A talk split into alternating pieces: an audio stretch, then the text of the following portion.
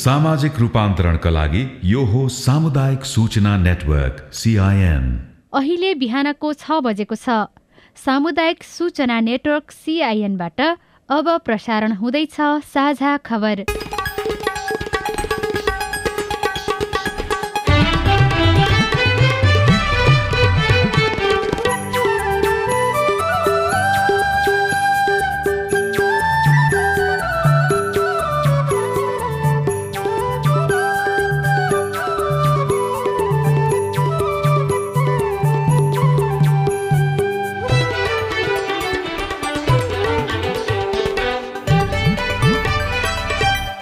शुभ प्रभात यो सिआइएनको साझा खबर हो। स्नेहा कर्णसँगै राजन रुचालको तपाईँलाई स्वागत छ। सामुदायिक रेडियोबाट देशैभरि एकैसाथ प्रसारण भइरहेको साझा खबर सिआइएन खबर डट कम र मोबाइल एप सिआइएनबाट पनि सुन्न सकिन्छ। आज दुई हजार उनासी साल असोज पन्ध्र गते शनिबार अक्टोबर एक तारिक सन् दुई हजार बाइस नेपाल सम्मत एघार सय बयालिस आश्विन शुक्ल पक्षको षष्ठी तिथि आज बडा दशैंको छैठौँ दिन अन्तर्राष्ट्रिय ज्येष्ठ नागरिक दिवस। साझा खबरमा प्रमुख खबरका शीर्षकहरू। निर्वाचन आयोगद्वारा प्रेस कार्यालय स्थापना निर्वाचनमा सघाउन सञ्चार माध्यमलाई आग्रह काङ्ग्रेसभित्र टिकट वितरण सङ्घर्ष उत्कर्षमा। एमालेका उन्नाइस पदाधिकारी मध्ये चौध जनाले प्रत्यक्ष निर्वाचन लड्ने गठबन्धन सहयात्रीसँग जसपा असन्तुष्ट। प्रदेश र स्थानीय तहमा आफू खुसी विदेश भ्रमण। दसैँका लागि झण्डै पाँच लाख यात्रुले काठमाडौँ छोडे। बस पार्कमा टिकट खोज्नेको भिड चाडबाडमा बजारमा सामान पाउने मुस्किल। विभिन्न मुलुकमा हैजाको प्रकोप फैलिँदै गएको प्रति विश्व स्वास्थ्य संगठनद्वारा चिन्ता व्यक्त पाँच वर्षमा मृत्यु हुनेको संख्या तीन गुणाले बढ्यो। बुर्किना फासोको सरकार दोस्रो पटक विघटन। र सुदूरपश्चिम राजधानी कप फुटबलको उपाधिका लागि लुम्बिनी र कर्णाली खेल्दै पाकिस्तान विरुद्धको छैठौँ टी ट्वेन्टी खेलमा इङ्ल्यान्ड विजयी।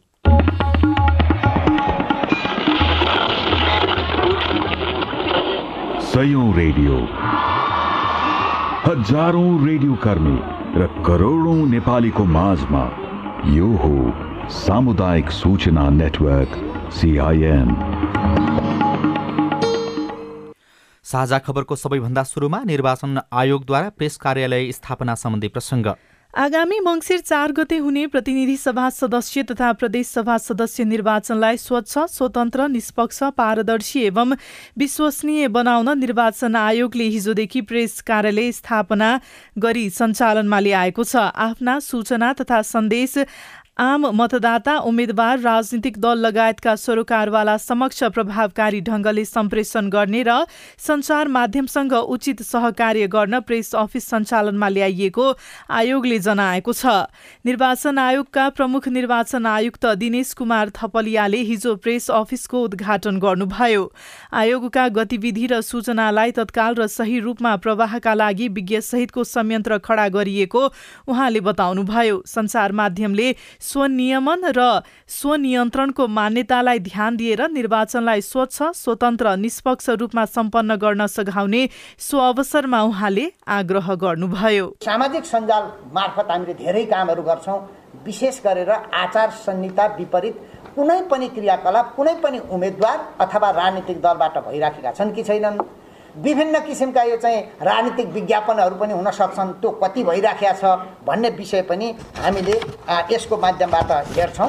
र चौथो हामीले अलिकति यो सञ्चार माध्यमहरूमा के कस्ता सामग्रीहरू गइराखेका छन् कसरी प्रकाशन प्रसारण भइराखेका छन् त्यहाँ हामीले समान पहुँच विभिन्न नागरिकको जनताको पुगेको छ कि छैन लगायतका विषयवस्तु हेर्नुका अतिरिक्त राजनीतिक दलहरूबाट उम्मेद्वारहरूबाट हुने सूचना पनि कसरी प्रकाशन भइरहेछ? हामीले इक्वल प्लेइङ फिल्ड भनेका छौँ। त्यो अनुरोध हामी सञ्चार माध्यमसित पनि गर्छौँ।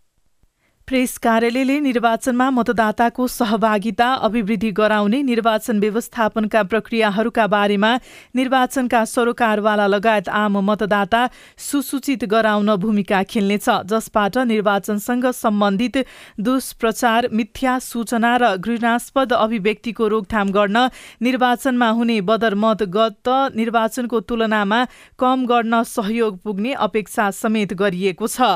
प्रेस अफिस प्रति नेपाल पत्रकार महासंघले भने आपत्ति जनाएको छ। यस प्रकारको संयन्त्र निर्माण गरेर आयोगले नागरिकको अभिव्यक्ति स्वतन्त्रता र प्रेसको संवैधानिक स्वतन्त्रतामाथि नियन्त्रण गर्न खोजेको महासंघले ठहर गरेको छ। आयोगले व्यक्तिको अभिव्यक्ति स्वतन्त्रता र प्रेसको संवैधानिक स्वतन्त्रतामाथि नियन्त्रण गर्न खोजेको महासंघको ठहर रहेको महासचिव रोशन पुरीले सिआइएनसँग बताउनुभयो। सरकारको नेतृत्व लिइरहेको नेपाली काङ्ग्रेसमा उम्मेद्वार चयन सम्बन्धी विवाद उत्कर्षमा पुगेको छ। प्रधानमन्त्री एवं सभापति शेरबहादुर देउवाले महाधिवेशनका सहयोगी नेता कार्यकर्तालाई मात्रै टिकट वितरण गर्न खोजेको भन्दै शेखर कोइराला नेतृत्वको समूहले विरोध गरेको छ। कोइराला समूहले पार्टीभित्र सबै नेता कार्यकर्तालाई योगदानमा आधारित भएर समान अवसर र न्यायपूर्ण व्यवहार गर्न माग गर्दै विरोध र धरनाका गतिविधि गर्न थालेपछि काङ्ग्रेसमा अन्तर्द्वन्द चुलिएको हो। कोइराला समूहले समानुपातिक तर्फको सूची सच्याउनु पर्नेदेखि प्रत्यक्षतर्फको टिकट वितरण न्यायोचित हुनुपर्ने सम्मको माग राखेको छ। दुई साता यता दिनहुँ जसो गुटगत बैठक छलफल र विरोध सभा गरिरहेका नेता कार्यकर्ताले बुधबार केन्द्रीय कार्यालयमै पुगेर धरना दिएका थिए भने बिहिबार चियापानको सन्दर्भमा आयोजित भेलाबाट संस्थापन पक्षप्रति आक्रोश पोखेका थिए। कोइराला समूहका नेता कार्यकर्ताले निरन्तर सङ्घर्ष जारी राखेपछि सभापति देवालले निर्वाचन आयोगमा बुझाइसकेको समानुपातिक उम्मेद्वारको सूची सच्याउने वचत दिनुभएको छ। तर त्यसबारे छलफल गर्न बिहिबार र शुक्रबार निरन्तर बैठक बसे पनि सहमति भएको छैन। कोइराला समूहले पार्टीभित्र अवसरको बाँडफाँड र वितरण गर्दा सभापति देवालले महाधिवेशनमा आफूहरूलाई आफूलाई भोट हाल्नेलाई प्राथमिकता दिएको र प्रतिस्पर्धा गर्नेलाई नियत बस पाखा लगाएर अघि बढ्ने प्रयास गरेको आरोप लगाएको छ। देवालले समानुपातिक समानुपातिक बन्द सूची सच्याउने र प्रत्यक्षतर्फको टिकट वितरणमा समेत मिलाएर अघि बढ्ने वचन दिएपछि नेता कोइराला आफैले बुधबार साँझ आफूपक्षीय आन्दोलनरत नेताहरूलाई बोलाएर त्यसबारे व्याख्या गर्नुभएको थियो। देवाले सम्बोधन गर्ने आश्वासन दिएपछि नेता थापा सहितका नेता कोइराला आशावादी देखिनु भएको छ तर महामन्त्री थापासहितका दोस्रो पुस्ताका नेताहरू भने देवालले आश देखाउने काम नगर्ने भन्दै विद्रोहको तयारीमा जुट्नुपर्ने पक्षमा उभिएका छन्। हिजो काठमाडौँमा भएको एउटा कार्यक्रमलाई सम्बोधन गर्दै महामन्त्री गगन थापाले काङ्ग्रेसभित्र सुदृढीकरण गर्नुपर्ने बेला आएको बताउनु भएको थियो। हाम्रो आफ्नै पार्टीभित्र अहिले हामीले हेऱ्यौँ भनेदेखि भने यत्रो ठुलो असन्तुष्टि छ। यत्रो ठुलो साथीहरूभित्र पार्टीभित्रै न्याय भएन सन्तुलन भएन। पार्टीभित्र सबैलाई सही ढङ्गले हेरिएन भन्ने अवस्था बनेको छ। यो सबै कुरालाई चिर्नको लागि अब पार्टीभित्र एउटा नयाँ खालको सङ्घर्षको आवश्यकताको बोध हुन थालेको छ। यसको लागि यसको लागि तपाईँहरूको उपस्थिति ताकत बढाएको छ। यसैबीच जनता समाजवादी पार्टी जसपा सिट बाँडफाँटको विषयलाई लिएर सत्तारूढ गठबन्धनसँग असन्तुष्ट बनेको छ। पाँच दलीय गठबन्धनको एक घटक जसपा सिट बाँडफाँटमा अन्यायमा गर्न लागि भन्दै असन्तुष्ट बनेको हो। जसपाका अध्यक्ष उपेन्द्र यादवले सार्वजनिक रूपमै सिट बाँडफाँटमा अहिले भइरहेको छलफलप्रति असन्तुष्टि पोख्नु भएको छ।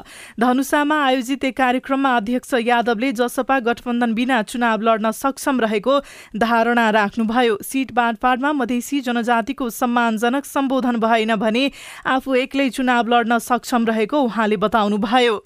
जसपा स्रोतका अनुसार प्रतिनिधि सभामा मध्य प्रदेशका बत्तीस सिट मध्ये कम्तीमा पन्ध्र स्थान आफूहरूका लागि छुट्याउनु पर्ने जसपाका नेताहरूको अडान रहेको छ। यसैबीच एमालेका सत्र पदाधिकारी मध्ये चौधजना प्रत्यक्ष निर्वाचन लड्ने भएका छन्। पदाधिकारीहरूमध्ये अध्यक्ष ओली सहितका तेह्रजना पदाधिकारीको भने उम्मेदवारी दिने विषय टुङ्गो लागिसकेको बताइएको छ।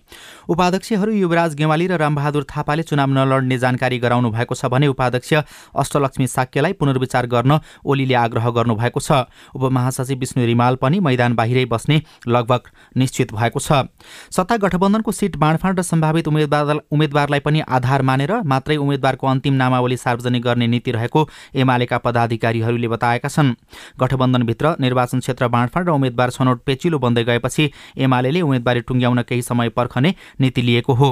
दशैं अगावै उम्मेदवारी टुङ्ग्याउने गृह कार्य गरिरहेको एमाले थप परामर्शसहितको गृह कार्य पूरा गरेपछि मात्रै सचिवालयबाट अन्तिम निर्णय लिने निष्कर्ष निकालेको छ। दसैँमा काठमाडौँबाट बाहिरिनेको सङ्ख्या बढिरहेको छ। ट्राफिक प्रहरीका अनुसार घटस्थापना यता मात्रै झण्डै पाँच लाख यात्रु काठमाडौँबाट बाहिरिएका छन्। चाडबाड मनाउने उल्लास बोकेर घर जान चाहनेलाई टिकट पाउन सजिलो छैन। त्यसमाथि टिकटको मूल्य पनि मनमौजी हुँदा नागरिकको दिगदारी बढेको छ। लागि अरू अरू गाडीहरू छैन र। पन्ध्र सय भन्छ अरे म खै खाली खाली गोपाल कुमार यादव सप्तरी जाने टिकट लिन गुङ्गबु बस पार्क धाउन थालेको तिन दिन भयो तर अह उहाँले अझै टिकट पाउनु भएको छैन। गाडी टिकट सिट भेट्यो भने जाने भएन भने यतै बस्नुपर्ने हो। पाइया छैन टिकट? अहिलेसम्म पाइए छैन। दुई दिन धाएपछि धनबहादुर बस्नेतले टिकट त पाउनुभयो तर मुडामा बसेर जाने। एकहत्तर वर्षका उहाँलाई मुडामा बसेर सुर्खेत पुग्नुपर्ने कुराले चिन्ता थपिएको छ। यो सरकारको नालागपन हो के। बस व्यवसाय समितिको पनि नालागपन हो।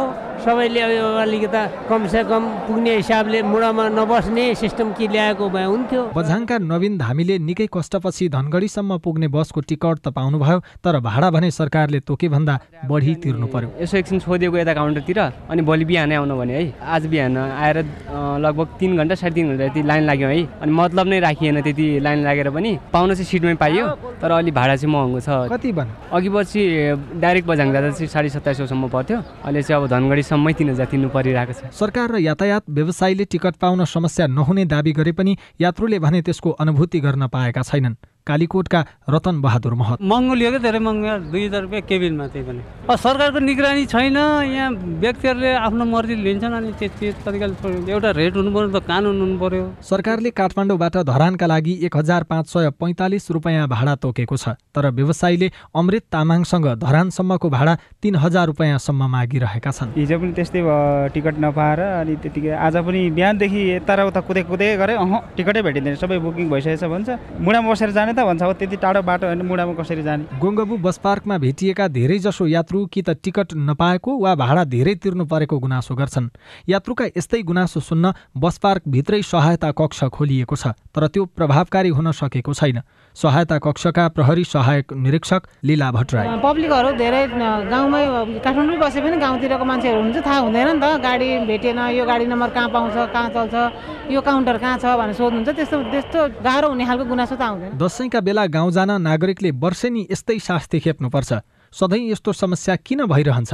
यातायात व्यवस्था विभागका महानिर्देशक टोकराज पाण्डे। फुर्सद भएको यात्रुहरू समयमै काठमाडौँ छोडेर बाहिर निस्किने व्यवसायीहरूले पनि चाडपर्वको बेलामा सवारी साधनको सङ्ख्यालाई वृद्धि गर्ने र नियामक निकायले पनि चाडपर्वको बेला चाहिँ व्यवस्थापकीय सन्तुलन मिलायो भने यस्तो समस्या आउँदैन। नागरिक चेतनाको स्तर वृद्धि हुने हो भने पनि धेरै समस्याहरू कम भएर जान्छन् सरकारले अनलाइनबाट पनि टिकट बुकिङ गर्न सकिने बताए पनि यसबारे धेरैलाई जानकारी नहुँदा टिकट पाउन झनै समस्या भएको हो। अविनाश आचार्य सिआइएन काठमाडौँ।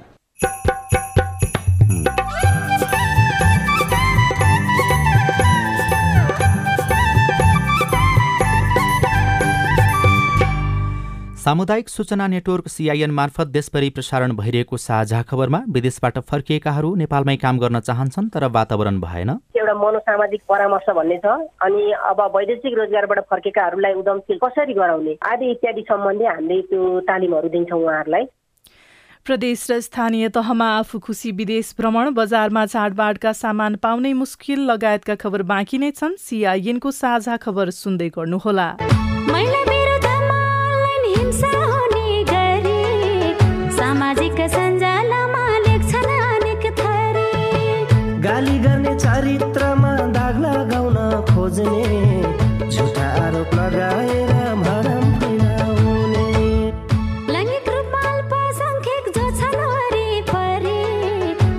थरी हिंसा गर्छन् होच्याउने गरी। नजिस्काउनु शरीर र यौनिकतालाई हेरी। कानुनको नजर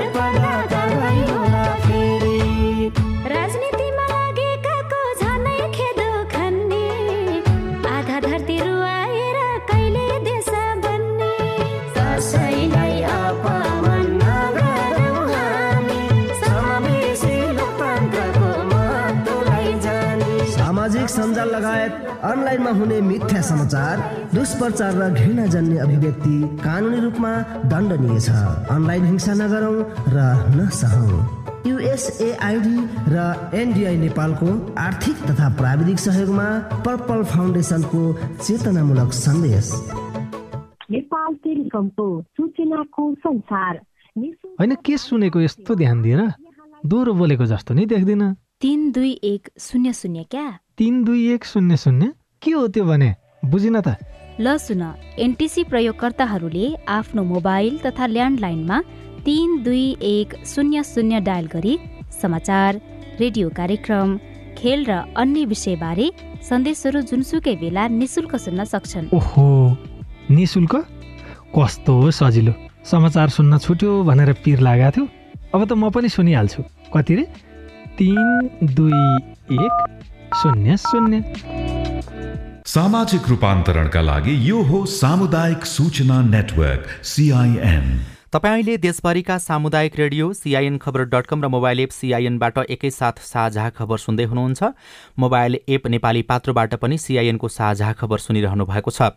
अब आज काठमाडौँबाट प्रकाशित पत्र पत्रिकाको खबर। गोर्खापत्र दैनिकको पहिलो पृष्ठमा प्रदेश र स्थानीय तहमा आफू खुसी विदेश भ्रमण शीर्षकमा नागेन्द्र सापकोटाले खबर लेख्नु भएको छ। प्रदेश तथा स्थानीय तहका पदाधिकारी र कर्मचारीले आफू खुसी विदेश भ्रमण गर्ने गरेको पाइएको छ। कानून विपरीत सम्बन्धित कर्मचारी र पदाधिकारीको कार्यक्षेत्र नभएका कार्यक्रममा समेत प्रदेश तथा स्थानीय तहका पदाधिकारी र कर्मचारीले आफू खुसी विदेश भ्रमण गर्ने गरेका हुन्।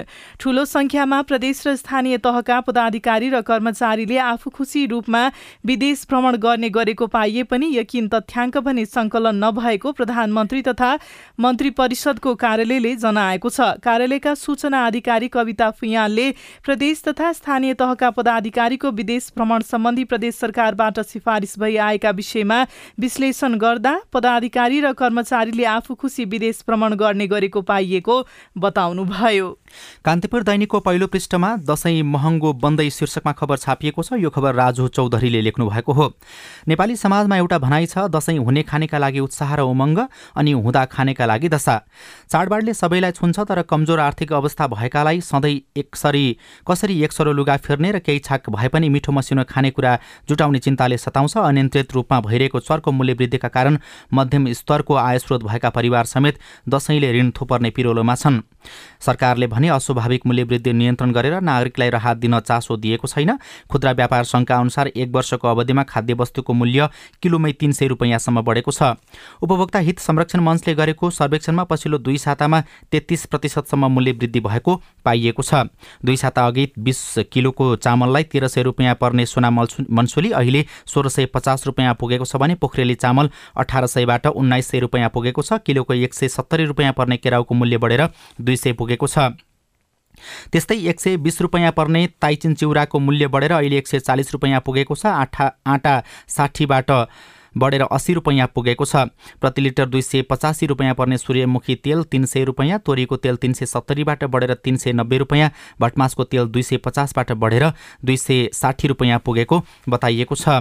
पछिल्लो समय चाडबाड लक्षित गरेर वाणिज्य आपूर्ति तथा उपभोक्ता संरक्षण विभाग खाद्य प्रविधि तथा गुण नियन्त्रण विभाग गुणस्तर तथा नापतोल विभाग औषधि विभाग कृषि विभाग लगायतले संयुक्त रूपमा अनुगमन गरिरहेका छन्। काठमाडौँ महानगरपालिकाले पनि अनुगमन सुरु गरेको छ तर त्यस्तो अनुगमनले ठूला व्यावसायिक घटनालाई छोएको भने देखिँदैन खबरमा उल्लेख गरिएको छ। आजको सबैजसो पत्र पत्रिकामा दसैँमा देशभर झरी पर्ने प्रक्षेपण सम्बन्धी खबर लेखिएको छ। नयाँ पत्रिका दैनिकमा यम बिर यम बम लेख्नुहुन्छ मौसम पूर्वानुमान महाशाखाले विजया दशमीमा झरी पर्ने प्रक्षेपण गरेको छ। महाशाखाले मनसुनको उत्तरार्धमा भारतको आन्ध्र प्रदेशको तट तथा पश्चिम मध्य बङ्गालको खाडीको तल्लो तटीयमा बनेको सामुद्रिक आँधीका कारण नेपालमा नवमी अर्थात् अठार असोजबाट मनसुनी वर्षा हुने प्रक्षेपण गरेको हो। महाशाखाले हिजो दशैंका लागि विशेष मनसुन बुलेटिन जारी गर्दै एक्काइस असोज द्वादशीसम्म वर्षाको प्रक्षेपण गरेको हो। सामान्यतया नयाँ सोह्र असोज अर्थात् फुलपातीभित्र मनसुन बाहिरिनु सक्नुपर्ने हो तर बङ्गालको खाडीमा सामुद्रिक आँधी बनेपछि मनसुन कम्तीमा एकदेखि डेढ साता पर धकेलिएको महाशाखाले जनाएको छ। साझा खबरमा अब हेलो सिआइएन सजना तिमल सिन्हाबाट। नमस्कार मेरो नाम दिपेन्द्र थापा। म डोटी जिल्ला पूर्वी जोगी सिक्स गाजरी। मेरो के समस्या छ भनेपछि मैले भर्खर एससी दिएको हुँ। र इङ्ग्लिसमा मेरो प्र्याक्टिकल र थ्योरी जोडेर सी प्लस आएको छ मैले कुन कुन विषय पढ्न पाउँछु? म्याथमा चाहिँ सी प्लस र इङ्ग्लिस इङ्ग्लिसमा थ्योरीमा चाहिँ डी प्लस आएको छ। तपाईँको जिज्ञासा मेटाइदिनको लागि हामीले राष्ट्रिय परीक्षा बोर्ड अन्तर्गत कक्षा दसको परीक्षा उपनियन्त्रक भक्त गोदारलाई अनुरोध गरेका छौँ। समग्र ग्रेडमा वान पोइन्ट सिक्स आएको छ भने विषयसँग सम्बन्धित हुँदैन जुनसुकै पनि विषय पढ्न पाउनुहुन्छ। नमस्ते मेरो नाम रमेश थापा घर वीरेन्द्रनगर छ सुर्खेत। प्रदेश नम्बर पाँचमा टिएसएलसी तर्फको अयबा र अनामीको रिजल्ट अहिलेसम्म किन प्रकाशित गरेका छैन जवाफ दिँदै हुनुहुन्छ प्राविधिक शिक्षा तथा व्यावसायिक प्रशिक्षण परिषद लुम्बिनी प्रदेश कार्यालयका सूचना अधिकारी लाल बहादुर बस्नेत। काम भइरहेको छ। बिचमा परीक्ष परीक्षाहरू भएको हुनाले परीक्ष परीक्षा छिटो गर्नुपर्ने तुरुन्तै गर्नुपर्ने भएको हुनाले परीक्ष परीक्षाको रिजल्ट गर्दाखेरि त्यो ढिलो भएको हो। अब त्यहाँ अब आज भोलिसम्ममा सक्ने भन्ने कुरो छ। नमस्कार म तुफान नेउपाने जुम्ला तापमानी गाउँपालिका वडा नम्बर छदेखि। मैले दुई हजार सडसठी सालमा शिक्षक निमाविको लाइसेन्स परीक्षा पास गरेको तर अहिलेसम्म लाइसेन्स ल्याएको छैन। अब त्यसको लागि के छ प्रोसेस? ल्याउन मिल्छ कि नै अब? यस विषयमा शिक्षक सेवा आयोगका सूचना अधिकारी सुदर्शन मरहटा भन्नुहुन्छ। सडसठी सालमा पास गर्नुभएको भने त्यो बेलामा तात्कालीन अवस्थामा हाम्रो चाहिँ जिल्ला शिक्षा कार्यालयमा अध्यापन अनुमति पत्र हामीले चाहिँ पठाइसकेका छौँ। अब तपाईँ कुन जिल्लाबाट तपाईँले परीक्षा दिनुभएको हो त्यो जिल्ला शिक्षा कार्यालयमा एकतालिस सम्पर्क गर्नुहोस्। त्यहाँबाट सम्पर्क गर्दाखेरि तपाईँको अध्यापन अनुमति पत्र भएन भने तपाईँको रोल नम्बर अध्यापन अनुमति पत्र हराएको यी कुराहरूको सिफारिस गरेर तपाईँ शिक्षक सेवा आयोगको सानोथिमी स्थित चौबिस नम्बर कोठामा सम्पर्क राख्नुभयो भने तपाईँको समस्या समाधान शिक्षक सेवा गर्छ। तपाईँ जुनसुकै बेला हाम्रो टेलिफोन नम्बर शून्य एक बाहन्न साठी छ चार छमा फोन गरेर आफ्नो प्रश्न जिज्ञासा गुनासा अनि समस्या रेकर्ड गर्न सक्नुहुनेछ। साझा खबरमा अब विदेशका खबर। विश्व स्वास्थ्य संगठनले विश्वभर फैलिरहेको हैजाको प्रकोपप्रति चिन्ता व्यक्त गरेको छ। सन् दुई हजार सत्रदेखि एक्काइसको अवधिमा प्रत्येक वर्ष बीसभन्दा बढी मुलुकमा हैजाको प्रकोप देखिन थालेको संगठनले जनाएको छ। संगठनको हैजा र महामारी झाडा पखाला सम्बन्धी टोलीका प्रमुख फिलिप वारभोजाले सन् दुई हजार एक्काइसमा औसत मृत्युदर अघिल्लो पाँच वर्षको तुलनामा झण्डै तीन गुणाले बढेको बताउनुभयो। रुसका राष्ट्रपति भ्लादिमिर पुटिनले युक्रेनका थप चार क्षेत्रलाई रुसमा सामेल गराउने निर्णयमा हस्ताक्षर गरेसँगै अमेरिकाले रुसमाथि थप प्रतिबन्ध लगाएको छ। अमेरिकी राष्ट्रपति जो बाइडनले रुसको यो कदमको निन्दा गर्दै युक्रेनलाई अतिरिक्त सुरक्षा सहयोग गर्ने पनि बताउनु भएको छ। र दक्षिण अफ्रिकी राज्य बुर्किना फासोको सरकार दोस्रो पटक विघटन भएको छ। सैनिक प्रमुख इब्राहिम ट्रोरेले नेता पाउल हेनरी दामिवालाई उपद अपदस्थ गरी संविधान र संक्रमणकालीन व्यवस्था निलम्बन गर्नुभएको हो। दामिवाले गत जनवरीमा पूर्व राष्ट्रपति रोज कावोर्डलाई सत्ताच्युत गरेर शासन हातमा लिनुभएको थियो। अब खेल खबर कैलालीको धनगढीमा जारी सुदूरपश्चिम राजधानी कप राष्ट्रिय फुटबल प्रतियोगिताको उपाधिका लागि आज लुम्बिनी र कर्णाली प्रदेश प्रतिस्पर्धा गर्दैछन्। प्रतियोगिताको विजेताले नगद पाँच लाख सहित ट्रफी मेडल र प्रमाणपत्र पाउनेछ भने उपविजेताले नगद तीन लाख सहित ट्रफी मेडल र प्रमाणपत्र प्राप्त गर्नेछ। र इङ्ल्यान्डले पाकिस्तान विरुद्धको छैठौँ टी ट्वेन्टी अन्तर्राष्ट्रिय क्रिकेटमा आठ विकेटको जित हासिल गरेको छ। यो सँगै सात खेलको श्रृङ्खला तिन तिनको बराबरीको अवस्थामा पुगेको छ। गैराती भएको खेलमा जितको लागि एक सय सत्तरी रनको विजय लक्ष्य पछ्याएको इङ्ल्यान्डले चौध ओभर तीन बलमा दुई विकेट गुमाउँदै लक्ष्य पूरा गर्यो। त्यसअघि लाहोरमा टस हारेर पहिले ब्याटिङ गरेको पाकिस्तानले निर्धारित बिस ओभरमा छ विकेट गुमाउँदै एक सय उनासत्तरी रन बनाएको थियो। दुई टोली बीचको अन्तिम तथा निर्णायक खेल भोलि हुनेछ। वैदेशिक रोजगारीबाट फर्किएकाहरूलाई नेपालमै राख्ने गरी सरकारसँग योजना के छ? रेडियो रिपोर्ट स्वस्थ जीवनशैली सम्बन्धी सन्देश अरू खबर र कार्टुन पनि बाँकी नै छ। सिआइएनको साझा खबर सुन्दै गर्नुहोला। रोमा दिदी फेरि चुनाव लागे जस्तो छ नि कताको यात्रा हो? तल चौतारीमा आज सबै पार्टीका अध्यक्षहरू आउने रे। महिलालाई टिकट देऊ भनेर दबाब दिन हिँडेको। भनेपछि महिला उम्मेद्वारको पक्षमा महिलाको र्याली अनि दिदी महिलालाई उम्मेद्वार बनाउन तयार हुन्छन् त पार्टी र पुरुष नेताहरू?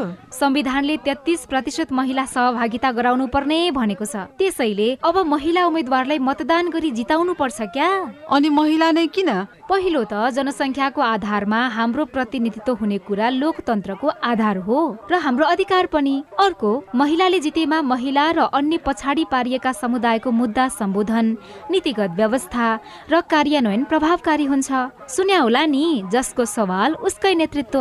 अनि सुन्नु त महिला उम्मेद्वार उठेपछि उनीहरूका घोषणा पत्रमा महिलाका लागि के के विषय राख्ने भन्ने बारे पनि यस्तै खबरदारी गर्नुपर्छ। घोषणा पत्रले महिलाको सवाल समेट्न सक्यो भने पो हाम्रा मुद्दा अगाडि आउँछन्। नेताहरू उत्तरदायी हुन्थे र हामी महिलाहरूलाई पनि भोट दिम दिम लाग्छ नि। महिला उम्मेद्वार उठेपछि महिलाका लागि के के कुरा चाहिन्छ भन्ने बारे त फेरि हामीले नै सुझाव दिने हो क्या? आगामी मङ्सिर चारको प्रतिनिधि र प्रदेशसभा निर्वाचनका लागि संविधानको व्यवस्था अनुसार महिला उम्मेद्वारलाई मतदान गरौँ। महिला पुनस्थापना केन्द्र ओरेक नेम्स केयर नेपाल र सामुदायिक सूचना नेटवर्क सिआइएन सामाजिक रूपान्तरणका लागि यो हो सामुदायिक सूचना नेटवर्क सिआइएन साझा खबरमा अब वैदेशिक रोजगारीबाट फर्किएकाहरूलाई नेपालमै राख्ने योजना। वैदेशिक रोजगारीबाट फर्किएकाहरूले विदेशमा आर्जन गरेको पुँजी ज्ञान सिप प्रविधि र अनुभव आफ्नै देशमा प्रयोग गरून् भन्ने उद्देश्य र योजना सरकारको छ। योजना अनुरूप वैदेशिक रोजगारीबाट फर्किएकाहरूलाई देशमै पुनः एकीकरण गर्ने कार्यक्रम पनि सरकारले ल्याएको छ। जसका लागि आवश्यक निर्देशिका जारी भयो तर साढे दुई महिनामा सामान्य छलफल बाहेक कुनै उपलब्धि भएको छैन। रोजगारीका लागि मलेसिया गएर फर्कनुभएका सिन्धुपाल्चोकका रमेश कार्कीलाई फेरि पनि विदेशिने रहर छैन। नेपालमै केही गर्ने सोच भए पनि सरकारी सहयोग नपाएको उहाँ बताउनुहुन्छ। पहिला एकचोटि गएको साउदी अरब गएको थिएँ त्यहाँ भने जस्तो काम भएन। त्यहाँबाट मलाई पुग्यो। म विदेश चाहिँ अब बरु म यहाँ केही सिप लगाएर पनि बरु भारी बोक्छु आफ्नै ठाउँमा तर विदेश चाहिँ जान्न। तर मलाई अहिलेसम्म अहँ, केही गर्नु भएको छैन नगरपालिकाले। उदयपुरका कुमार थापा मगर अठार वर्ष दुबईमा काम गरेर नेपाल फर्किएको चार दिन मात्रै भयो। उहाँ तिहारपछि फेरि दुबई जाने सोचमा हुनुहुन्छ। उहाँ भन्नुहुन्छ सिप र अनुभव भए पनि नेपालमा त्यसको प्रयोग गर्ने ठाउँ छैन। कतिपय मान्छेहरू अब इन्जिनियरिङमा काम गरिरहेको हुन्छ होइन? जस्तै कोही आर्किटेक्टहरू। अब सबै अब त्यो आर्किटेक्ट इन्जिनियरिङ प्लस एचआर होइन? यस्तोतिर काम गरिरहेको मान्छेहरूलाई यहाँ सरकारले कसरी रोजगार दिन सक्दैन अब त्यो सरकारले नै त्यस्तो प्रोभाइड गर्छ भनेदेखि त कसलाई चाहिँ रहर छ र होइन विदेश जानको लागि? यसरी रोजगारीको खोजी गर्दै विदेशी नै युवाहरूको संख्या पछिल्लो छ वर्षमा बहत्तर लाख भन्दा बढी छ। तर तीमध्ये कति नेपाल फर्किए भन्ने तथ्याङ्क पनि सरकारसँग छैन। आर्थिक सर्वेक्षणले भने करिब चौवालिस लाख नेपाली वैदेशिक रोजगारीमा रहेको देखाउँछ।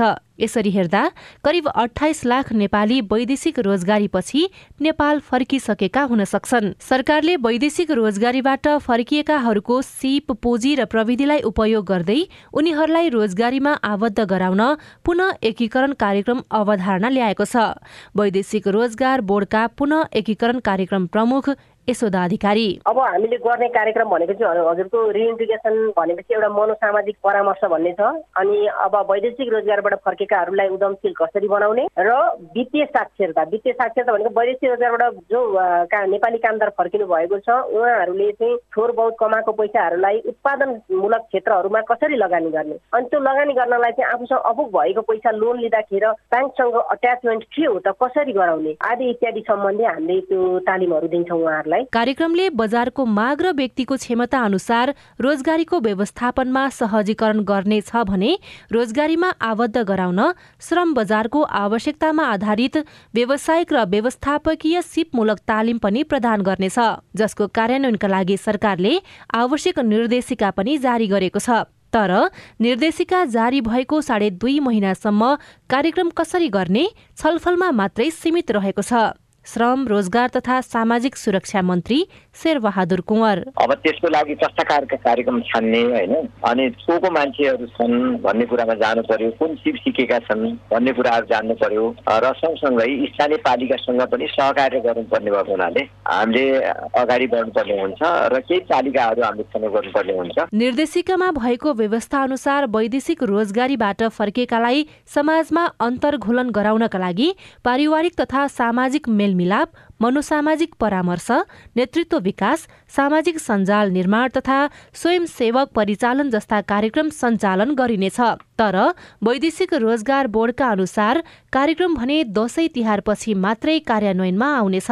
सुशीला श्रेष्ठ सिआइएन काठमाडौँ। रिपोर्टसँगै हामी साझा खबरको अन्त्यमा आइपुगेका छौँ। सामुदायिक रेडियो प्रसारक सङ्घद्वारा सञ्चालित सिआइएनको बिहान छ बजेको साझा खबर सक्नु अघि मुख्य मुख्य खबर फेरि एकपटक। निर्वाचन आयोगद्वारा प्रेस कार्यालय स्थापना निर्वाचनमा सघाउन संसार माध्यमलाई आग्रह काङ्ग्रेसभित्र टिकट वितरण सङ्घर्ष उत्कर्षमा।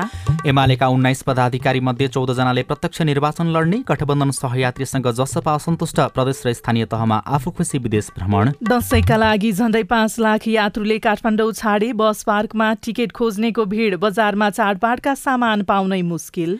विभिन्न मुलुकमा हैजाको प्रकोप फैलिँदै गएको प्रति विश्व स्वास्थ्य संगठनद्वारा चिन्ता व्यक्त पाँच वर्षमा मृत्यु हुनेको संख्या तीन गुणाले बढ्यो। बुर्किना फासोको सरकार दोस्रो पटक विघटन र सुदूरपश्चिम राजधानी कप फुटबलको उपाधिका लागि आज लुम्बिनी र कर्णाली खेल्दै। साझा खबरको अन्त्यमा कार्टुन लिएका छौँ कान्तिपुर दैनिकबाट अविनले बनाउनु भएको कार्टुन छ। यहाँ महँगीको ठुलो एउटा राक्षस जस्तो देखाइएको छ। उपभोक्ता महँगीको मारमा परेका छन्। भालाले रोपिँदैछ उपभोक्तालाई। अनि सरकार जस्तो देखिने सिंहदरबारमा बसेर प्रधानमन्त्री जस्ता देखिने व्यक्ति चाहिँ टुलटुल्ती हेरिरहेका छन् रमिता हेरिरहेका छन्। खास गरी दसैँ महँगो बन्दै गएको छ। खाद्यवस्तु किलोमै तिन सय रुपियाँसम्म वृद्धि भएको भनेर खबरहरू सार्वजनिक भइराखेका छन्। त्यही कुरालाई व्यङ्ग्य गर्न खोजिएको छ र माथि चाहिँ यस्तो लेखिएको छ दुर्गा भवानीले रक्षा गरून्। सबैलाई ह्याप्पी दसैँ। हवस् त। प्राविधिक साथी सुभाष पन्तलाई धन्यवाद। अहिलेलाई राजन रुचाल र स्नेहा कर्ण विदा भयौँ। तपाईँको आजको दिन शुभ होस्। नमस्कार। यसपछि देशभरिका सामुदायिक रेडियोबाट कार्यक्रम सोधी खोजी प्रसारण हुनेछ। सुन्ने प्रयास गर्नुहोला।